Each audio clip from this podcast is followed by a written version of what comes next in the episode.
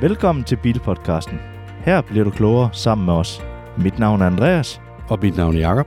Du kan glæde dig til en serie af episoder fra Bilpodcasten, hvor vi sætter fokus på det at skifte fra fossilbil til elbil. Vi ser også på, hvor strømmen den kommer fra. Vi kigger på tidens tendenser, og af og til kommer vi til at anmelde nye elbiler fra forskellige mærker. I dag skal vi anmelde Nissan Ariya, og det er noget, vi har set frem til. Den er venligst udlånt fra Nissan Danmark til os, og det er altså udgaven, der hedder Aria Evolve med 87 kW batteri. Den koster 462.304 kroner, plus 12.800 for 20 tommer alufælger. Så en total pris på 475.000. Som vi plejer, så render vi igennem design, komfort, støj i kabinen, kvalitetsfølelse, køreegenskaber, bygge- og samlekvalitet, udstyr, pladsforhold, lastevne og påhængsvægt, batteri, rækkevidde og forbrug, opladning, garanti, værdi for pengene, og så til sidst en samlet vurdering. Men Jakob, øh, vil du ikke øh, starte ud med design på den her lækre bil? Det kan du tro, Andreas. Og jeg vil lige starte med at øh, komme med et citat fra Alfonso Albaiza, som er Nissans senior vice president for global design. Han sagde nemlig, vi vil have, at sjælen i hver eneste Nissan har et karakteristisk japansk DNA, som udtrykkes på en enkelt, men dog stærk og moderne måde. Det kalder vi tidsløs japansk futurisme. Om det lykkedes må være op til den enkelte, men for vores vedkommende her for Bilpodcasten må vi erkende, at Arias design sidder lige i skabet. Nissan har virkelig formået at skabe en smuk og stilren bil, fyldt med lækre materialer og spændende designvalg. Der er blandt andet integreret oplyste touchknapper i de trælignende paneler og en midterkonsol, der kan forskydes 15 cm i længderetningen. Der er ligeledes et hemmeligt rum, som man kan få frem under instrumentbordet, og det kan du bruge som et bord til for eksempel en bærbar PC. Og alt i kabinen virker som en helhed. Bilen er skabt helt forbundet som en elbil. Det vil altså sige, at den er med fladt gulv, og man får næsten en lounge-følelse, når man opholder sig i kabinen. Når vi ser på bilen udefra, så minder den mest af alt om en Nissan Qashqai, som jo har været den danske favorit igennem næsten et helt årti. Men Aria er mere strømlignet og coupéformet bagtil, og selve fronten den kurver mere omkring hjørnerne for at opnå mindre vindmodstand, og derfor så er der altså tale om en crossover coupé her. Men hvad tænker du om designet, Andreas? Jamen, jeg var egentlig øh, meget imponeret af designet. Jeg synes nu, det var lidt mærkeligt med de her sorte lige rundt om hjulene. Altså markeringen der for at give den lidt mere kant? Ja, når du ser den på afstand, så bliver det lidt store tomrum i forhold til, hvor dækket er. Jamen det er rigtigt, når du ser den på afstand, så kan det godt ligne, at den har sådan en enorm hjulkasser. Når man kommer tæt på at se den bil her, så synes jeg virkelig, at det er flot design. Og derfor så øh, er vi også landet på 6,5 ud af 10. Og det er jo egentlig en fornuftig karakter, i hvert fald når vi snakker design, fordi der er jo, der er jo lige så mange følelser i spil, som, øh, som der er holdninger i forbindelse med det. Ja, og det er en svær størrelse det her, fordi at mm, hver, hver person har jo sin egen mening om den her. Så den er svær at give karakter altid, eller det er alle vores biler i forhold til designet. Men en anden ting, der også er svært, Andreas, det er jo komfortdelen. Og den skal du næsten have lov til at tale igennem. Ja, og i forbindelse med den her Nissan Ariya testkørselen af den, så oplevede vi altså en ny form for køreglæde i den. Det var ikke fordi, at den var spændende eller sporty, men fordi at man sidder i en bil, som formår at bringe en sikkert og afslappet frem til destinationen med en følelse af velbehag og sikkerhed. Det er en bil, man stiger ind i, hvorefter man bliver krammet og holdt om i et dejligt lille eventyr. Det var faktisk øh, dine egne ord i forbindelse med, at du afleverede den bil. Det var ligesom om, at man tog den på, eller den kramte en, når man satte sig i sæderne. Men det er også korrekt. Jeg, jeg følte lidt, at man satte sig ind i ah, behageligt. Det er meget svært at forklare. Det er som om den krammer en, og nu skal vi ud på en god tur. Det, er bare, det føles bare virkelig lækkert og behageligt. Det vil jeg give dig fuldstændig ret i. Ja, så er det, vi går videre her til sæderne, og de er utrolig lækre. Og med øh, 8-vejs justering, mulighed for både køling og varme, og bagsæderne de har så bare varme. Rettet kan ligeledes justeres både op og ned og ind og ud. Og det er lidt sjovt, vi har den med, men det er altså ikke alle biler, vi oplever det i. Så derfor har vi den med. Og så er der ovenikøbet varme, som kan sættes til auto i rettet. Og Det er altså ikke mange biler, det kan det i. Jeg oplevede det her med, at når du satte den i auto, så blev den lidt for varm for mig i hvert fald. Men det ved jeg ikke, hvad du oplevede, Jacob. Jeg er jo sådan en type, der bare øh, fryser mine fingre konstant, så jeg elskede jo, at den havde ret varme. Og i og med, at min normale bil ikke er ret varm, det er du jo vant til for din, men det er jeg absolut ikke vant til, så synes jeg jo bare, det var sindssygt lækkert at køre med. Ja, jeg er vant til det, og min den har også auto, og der er jeg heller ikke enig med den i. Okay, der skruer den også for højt op, eller hvad? Ja, det vil sige. Altså det, der er underligt, det er, at du kan køre, du har kørt i en halv time måske, så lige pludselig tænder den ret varm. Det er lidt mærkeligt. Ja, fordi det kan jo ikke være, fordi at den har en eller anden temperaturføler i rettet. Det tænker jeg simpelthen ikke. Nej, det må jo være, fordi den føler, at det lige pludselig bliver koldt i bilen. Men videre mere, så kabinen den har lidt et svagt punkt med hensyn til udsigten bagud. Men der er man altså godt hjulpet på vej med det her 360 graders kamera, som kommer frem og hjælper ind. Udover det, så har den også automatisk parkering, og i forbindelse med natkørsel, der er ligeledes en af de bedste oplevelser, vi har haft med adaptiv oplysning af vejen forud. Ja, og det der adaptiv oplysning. Oplysning. ja. det, det lyder som sådan en eller anden oplysningskampagne. Ja. Jeg tror bare, vi skal sige adaptiv belysning af vejen forud. Lad os gøre det. Det gør vi fremadrettet. Nå.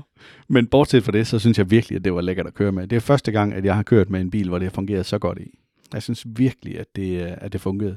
Og det var så sjovt, fordi at den første aften, at jeg havde den, hvor jeg kørte hjem herop fra dig, der lod jeg mærke til, at det der lys der, fordi det var en lille smule diset. Man kunne lige så tydeligt se, når den slukkede og tændte det, også ud på marken og så videre.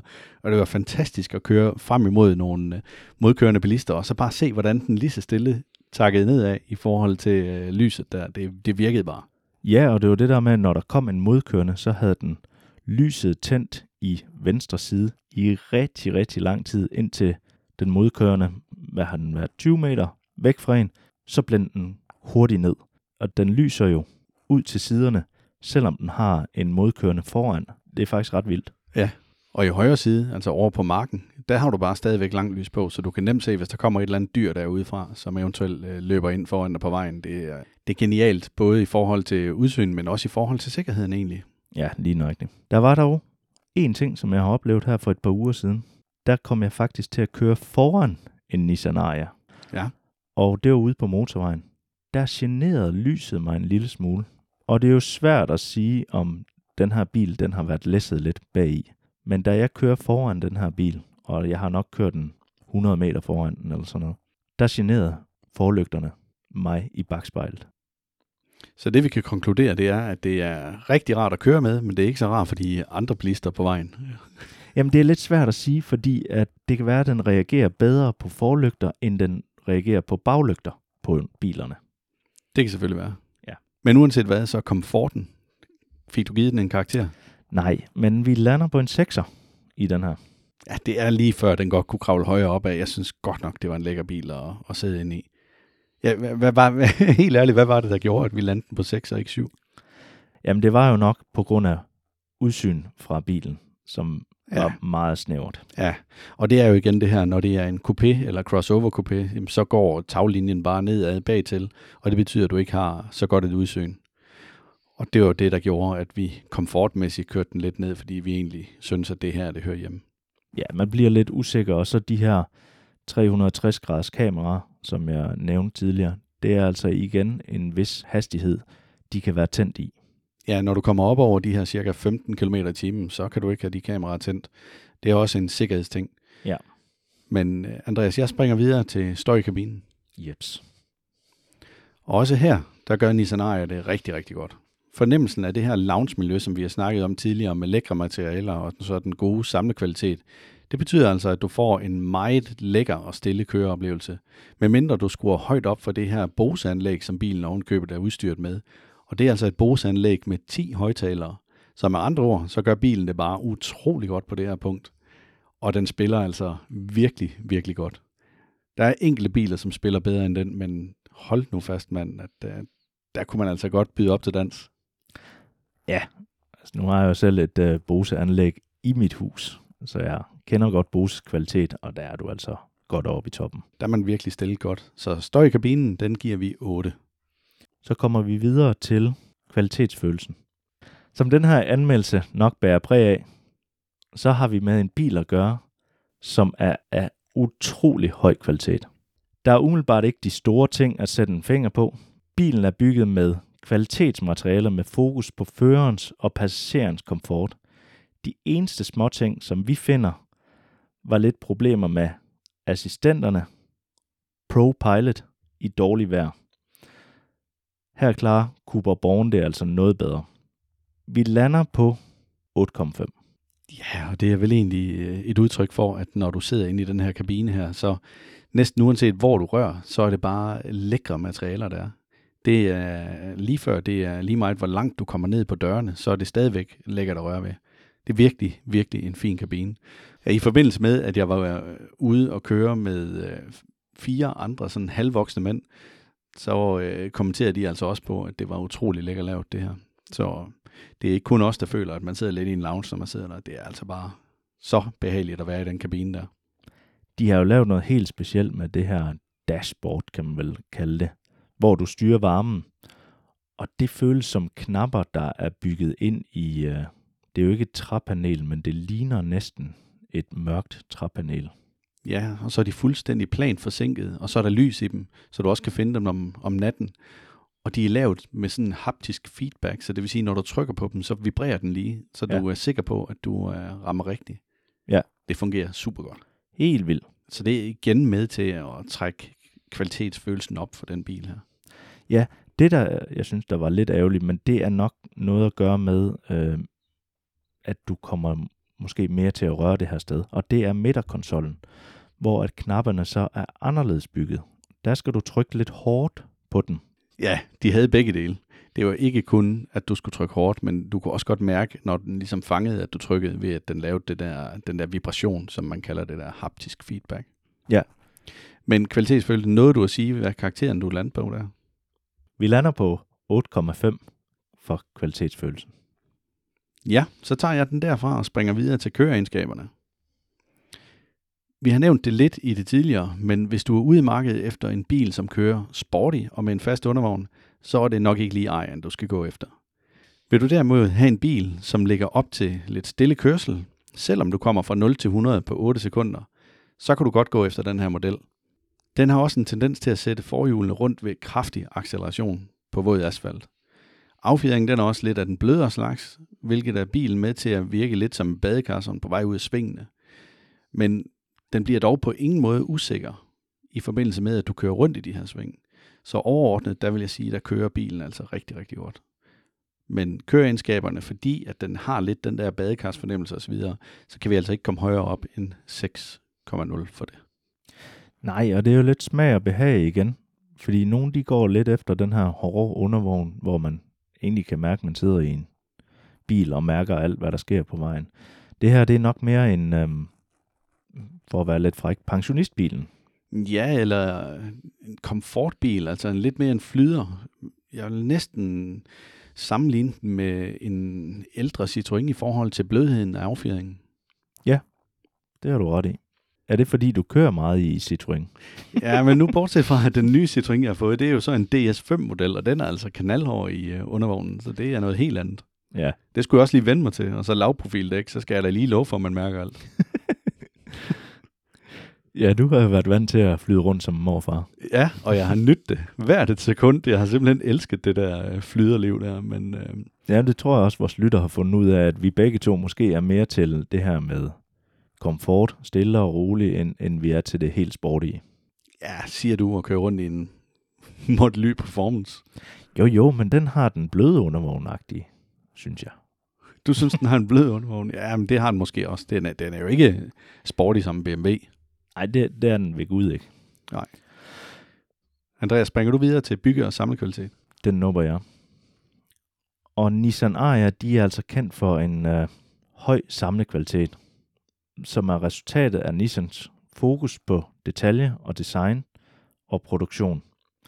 Vi registrerede ingen dårlige samlinger eller noget, som sad løst på bilen. Ligeledes var der heller ikke manglende maling i motorrummet, som ses på andre biler, men som regel i en billigere prisklasse. Og jeg tænker ikke, der er så meget at sige til den her jakke. Nej, det, det er der ikke. Altså, det var bare i orden. det vi oplevede der. Ja, og Der- der. derfor har vi også valgt at give det en 9'er. Ja. Så kommer vi til udstyrsdelen. Og her, der brillerer Nissan Ariya altså virkelig. Den er udstyret med en række avancerede teknologier, blandt andet deres øh, ProPilot 2.0, som er en avanceret førerassistent, der hjælper med at styre bilen i motorvejstrafik, men den hjælper også med at parkere bilen automatisk. Og det er altså både, om den skal bakke i bås, eller køre lige ind i en bås, eller om du vil lave en parallel parkering. Derudover så har den også en 12,3 tommers touchskærm med en Nissan Connect, som giver chaufføren adgang til en række funktioner, som for eksempel navigation, musikstreaming og opkaldsintegration. Foruden dette har Nissan proppet bilen med næsten alt muligt udstyr, der findes på markedet PT, og så lige toppet det hele af med det her lydsystem fra Bose med de 10 højtalere. Af de vigtigste lækre standardudstyrs ting kan vi nævne head-up display, køl og varme i sæderne, som kan indstilles automatisk. Der er nøglefri betjening, der er kicksensor ved bagagerummet, og så er der varme i rattet og det her adaptive belysning på bilen. Og det er altså bare vanvittigt lækkert at køre med, det fungerer bare. Så udstyr, der er vi helt oppe på 9,5. Det er den højeste karakter, vi har givet for udstyr nogensinde. Ja, og, og velfortjent vil jeg også sige. Det her med, og det overraskede mig helt vildt, at jeg vil blive så begejstret for noget så simpelt som kicksensor bag i bagagerummet. Det, det ville jeg ønske, min egen havde. Det brugte jeg hele tiden. øh, og, men jeg brugte det så også lidt, fordi at den jo kunne det. Ikke også? Så du, du kørte lige ned til den lokale Rema, og så stod du der og sparkede ind under bilen, bare for at vise de andre. Ja. Se, hvad jeg kan, se, Ja. hvad jeg kan. og gjorde det flere gange. jeg kan også lugte den sådan, se. Ja. Ej, det var jeg meget begejstret for. Men udover det, så det her lys her, og vi har nævnt det, det var absolut en sensation. Fænomenalt at køre med. Ja.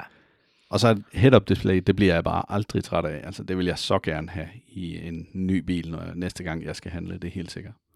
Og det er også lavet på den rigtige måde, fordi det lyser op på forruden, hvor at andre biler, de, de sparer måske den funktion væk og lige propper sådan en plastik øh, skærm op i stedet for. Her lyser det op på forruden, det fungerer. Til at starte med, der troede jeg egentlig, at det var fordi, at de ikke havde, eller de havde patent på det. Og derfor så må de ikke kopiere det. Men nu er det bare kommet på mange forskellige mærker. Så jeg tror ikke, at de har patent på det. Nej, Jeg, jeg kan godt være i tvivl.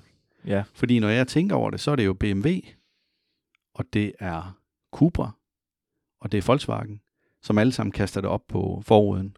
I hvert fald af dem, jeg kender til. Og det er den samme koncern. Jo, men der er Nissan jo ikke med. Men det kan så være, at de har betalt for det. Ja, det kan være. Ja. Jeg ved det ikke, men uanset hvad, så øh, ser det altså bare rigtigt ud på den måde, i stedet for den der lille dumme plastik plexiglasplade, der, der popper op. Det ser bare tosset ud. Ja, det er sådan lidt en billig følelse, ikke også, man lige får ind der. Nå, en plastikplade. Øh. Ja. Det, det, det hænger ikke rigtig sammen med, med prismæssigt i bilerne, Nej. når, når vi ser det. Nej, Men Jakob, nu har vi snakket nok om udstyr enig. Jeg hopper videre til pladsforhold.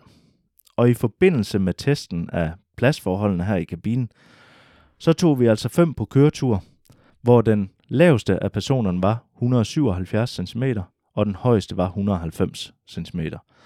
Og her blev der altså noget trængt på bagsæderne. Men det er typisk ulempen ved de her crossover kupéer. Bagagerum, det er på 468 liter. Og det er vel okay, men jeg synes, det er lidt ærgerligt, når man kigger på den her bil, så er den relativt stor udefra, men med et meget småt bagagerum. Og det, der så heller ikke er i den her bil, det er en frunk.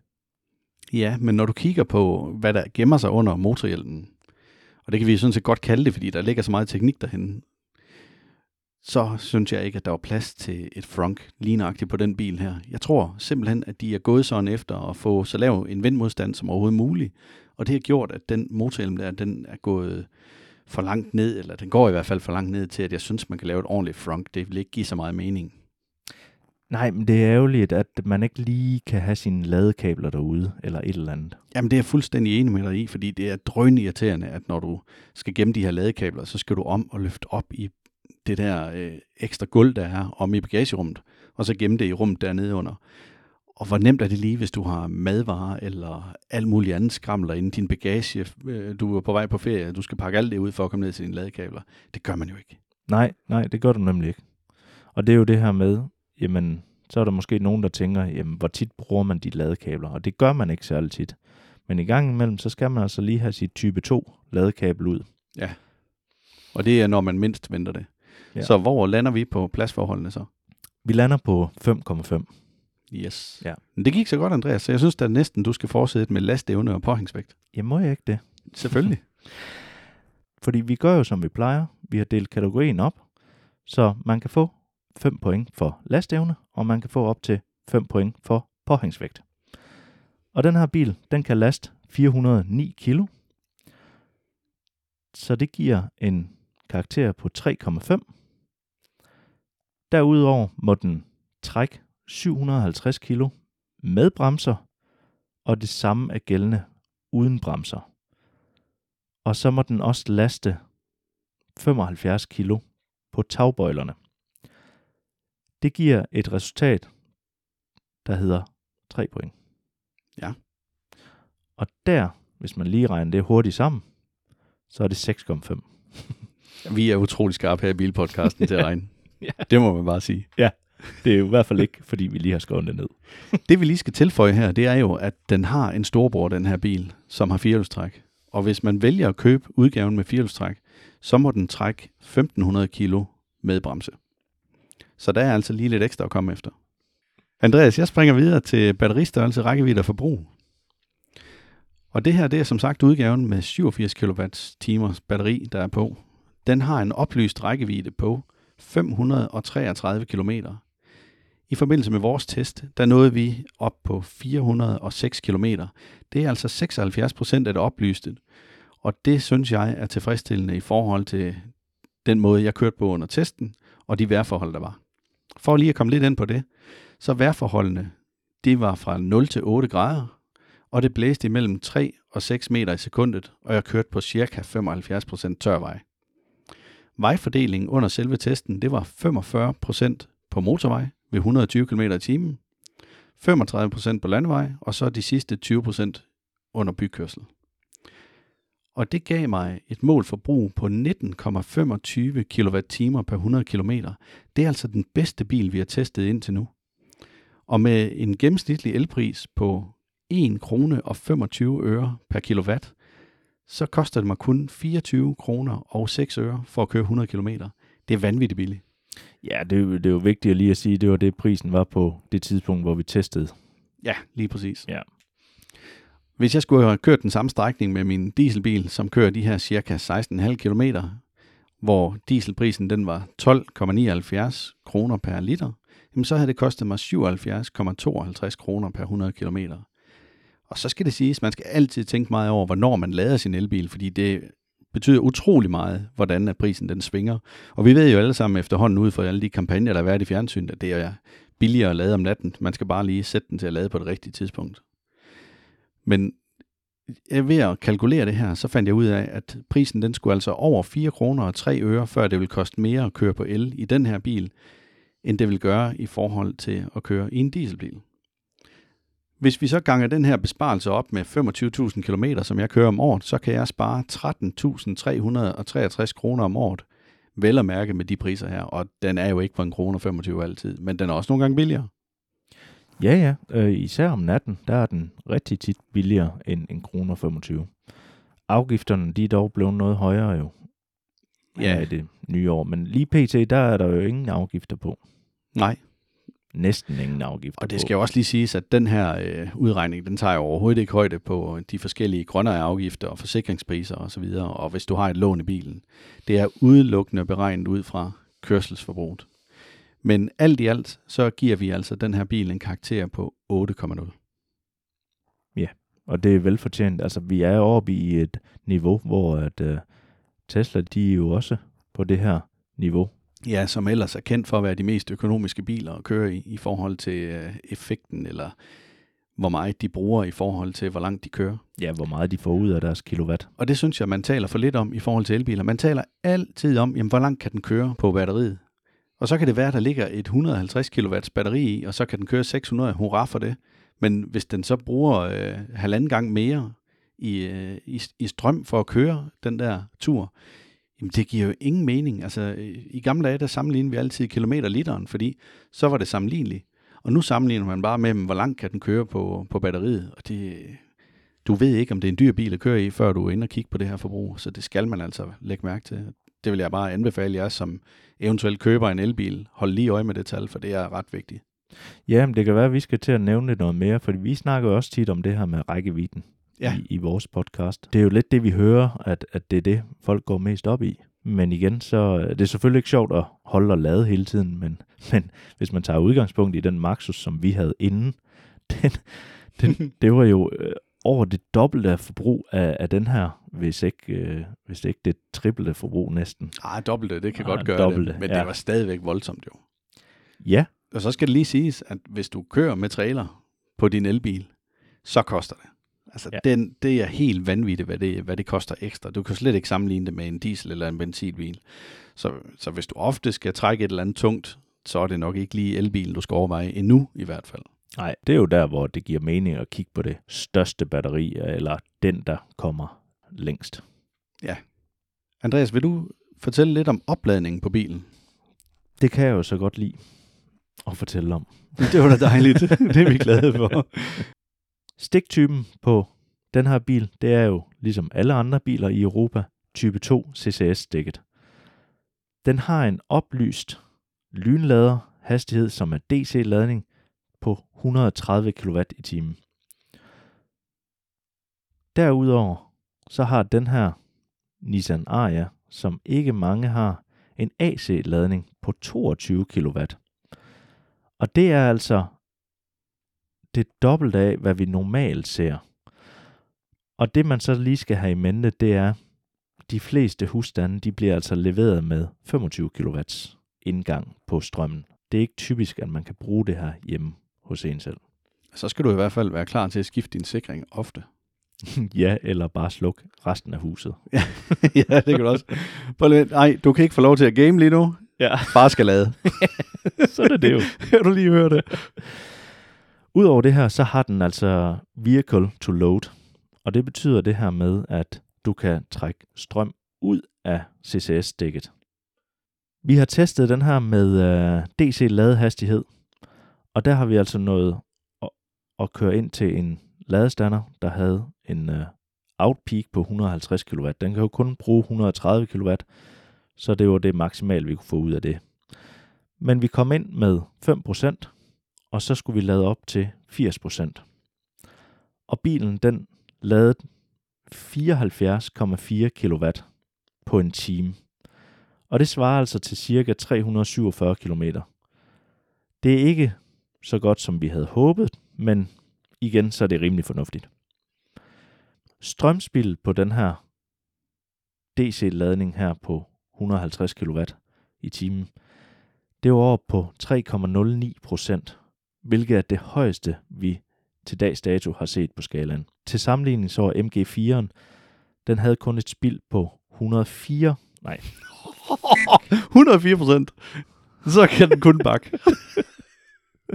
vi kan ikke få det, fordi jeg sagde fuck. ja, det er ærgerligt. Ej, hvor er det ærgerligt. Til sammenligning så havde MG4'en et målt spild på cirka 1,04 procent, hvilket er i den absolut suveræne afdeling. Så frem man nu har lyst til at lade den her herhjemme, som vi var inde på med 22 kW, så tager det 4,5 time. Men det er altså de færreste steder, man kan lade så højt hjemme hos sig selv. Så du kan gange tallet med to, så kommer du op på 9 timer med en 11 kW lader. Har du noget at tilføje her, Jakob? Jeg er enormt spændt på karakteren, Andreas. Hvor ligger vi henne her? Det er da rigtigt. Det er da også sjovt, som jeg glemmer det i dag. at komme med. Ja. Vi ligger på 5,5, så det er en meget middel karakter. Så 5,5 for opladning, og det synes jeg egentlig er, er okay. Det, der er lidt ærgerligt, det er, at du skal sidde og, og vente i næsten, ja, næsten 40 minutter for at lade op ved en hurtiglader, eller en lynlader. Det er sådan lige i overkanten. Grunden til, at vi lige var lidt skuffet over det her med, at den ladede med 74,4 kW per time, det er jo fordi, at den har jo egentlig lovet, at den kan lade helt op til 130 kW per time. Det ved jeg godt, det er, når den piker. Men det er altså relativt langt fra 74,4 op til 130. Der havde jeg da egentlig forestillet mig, at vi nok havde lagt på omkring 90.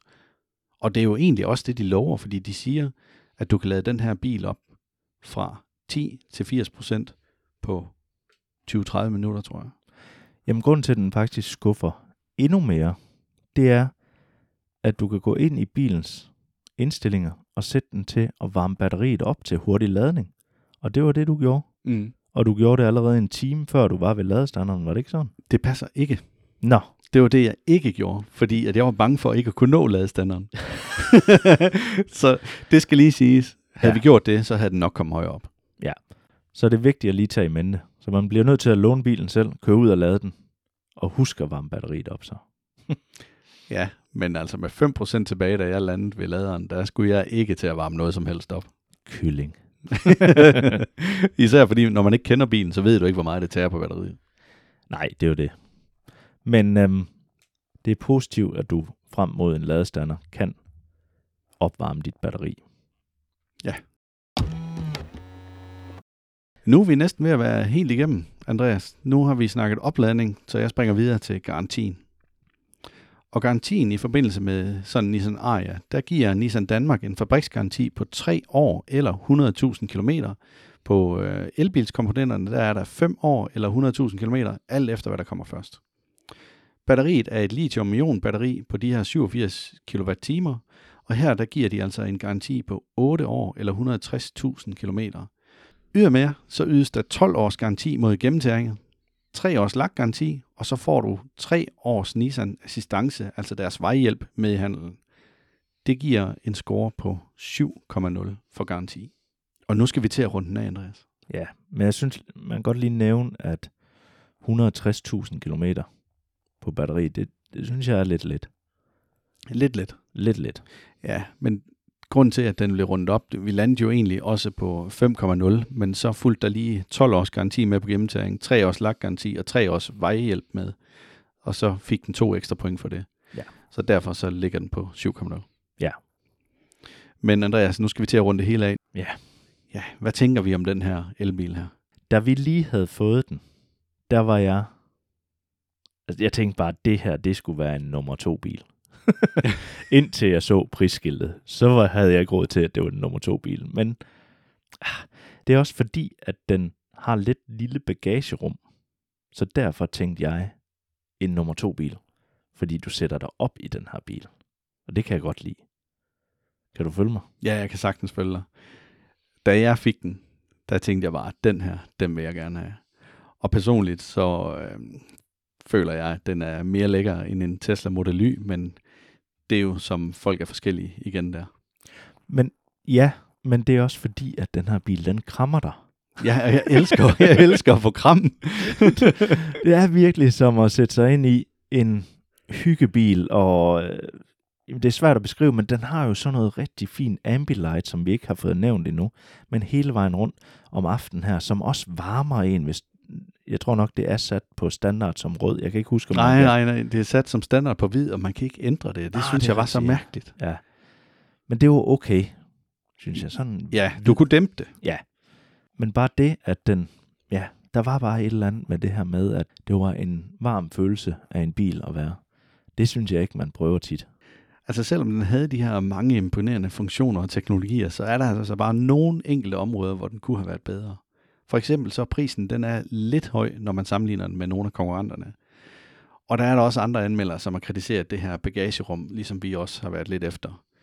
Men derudover, så synes jeg, at Nissan de har et interiørdesign og en byggekvalitet i den her bil, som gør, at bilen den er på niveau med nogle af premiummærkerne inden for elbiler. Jeg synes virkelig, at det er godt gået i forbindelse med den her Nissan Ariya, og den får min varmeste anbefalinger herfra. Ja, også herfra. Det eneste, der kan være med den her bil, det er prisen. Og det er prisen på grisen, som man siger. Ja, det, det er ærgerligt. Ja. Altså hvis den lå i samme niveau som en Tesla Model Y, så var der ingen tvivl om, hvad man skulle gå efter. Det var helt klart den her. Altså, du tænker på den billigste udgave af Tesla Model Y, ikke? Jo, det gør jeg. Ja. Men den er altså cirka 30.000 kroner for høj for den udgave, som ikke hedder Evolve. Men, men det, der er så sjovt ved os to, det er, at du vil sagtens kunne klare dig med den her plads her, den har i hverdagen. Jeg vil have kæmpe problemer med at klare mig, og det er også derfor, jeg snakker om det som en nummer to bil. Men det er så fordi, at vi skal have barnevogn og alt muligt pjat ind Ja. i den. Jeg vil jo også fint kunne nøjes med de her 750 kilo på krogen, Ja. hvor du har behov for 1500 en gang imellem. Så Ja. du skal op og købe den helt dyre model med firehjulstræk. Ja, så er det jo bare endnu værre igen. Ja. Især når det er en nummer to bil. Ja, det er jo det. så synes jeg ikke rigtigt. Altså, det er vanvittigt, hvis du begynder at købe sådan en som nummer to bil i hvert fald. Ja. Men sikkerheden mangler vi lige at komme ind på, og den er jo selvfølgelig også blevet testet i Euro NCAP og har fået fem stjerner der, ligesom de fleste andre elbiler. Men det vi mangler allermest, det var value for money karakteren. Ja, nu er det mig, der glemte det. Og nu glemte du den, ja. Men Andreas, vil du så ikke være så venlig at afsløre, hvad karakteren er nu, når jeg glemte det? Jo, vi ender på en 7 for value for money. Ja. Og alt i alt, så giver det altså os et gennemsnit på 7,2 ud af 10 for den her bil. Det er til dato den bil, der har fået den højeste karakter af dem, vi har haft igennem testen. Og jeg tænker lidt der, da vi snakkede tidligere omkring forbruget, Andreas, at vi skal helt klart vende tilbage til det, og måske lave en top 10 liste inde på vores hjemmeside på et tidspunkt, over alle de biler, vi har testet, hvor vi hele tiden opdaterer den med de biler, der kører længst i forhold til at bruge mindst el. Ja, økonomisk, hvor, hvad koster det at køre 15.000 på et år? Det kunne være en meget fin måde at gøre det på. Ja, så bliver vi nødt til at sætte den op efter, at man har en fast elpris på et eller andet niveau, et givet niveau. Selvfølgelig. Og det kunne ja. måske være en kroner 65 eller sådan noget i den stil. Det må være sådan relativt realistisk, hvor det både svinger op og ned.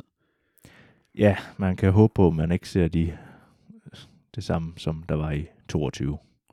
Ja, ja, vi skal ikke op og så snakke 6 kroner per. Nej. så bliver det dyrt. Ja, så vil det aldrig kunne gå og køre elbil. Nej.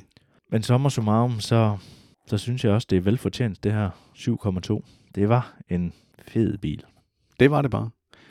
Og der kommer til at ligge både billeder og måske en lille video af bilen inde på vores hjemmeside. Så hop derind, hvis du vil se billederne i fuld størrelse, og ellers læse den skriftlige anmeldelse af vores Nissan Ariya, hvor du igen let kan se opsummeringen af alle de point eller karakterer, vi har givet bilen igennem den her anmeldelse.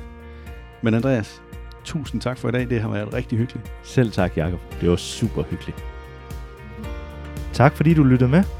Gå ikke glip af næste episode. Tryk på følg eller abonner.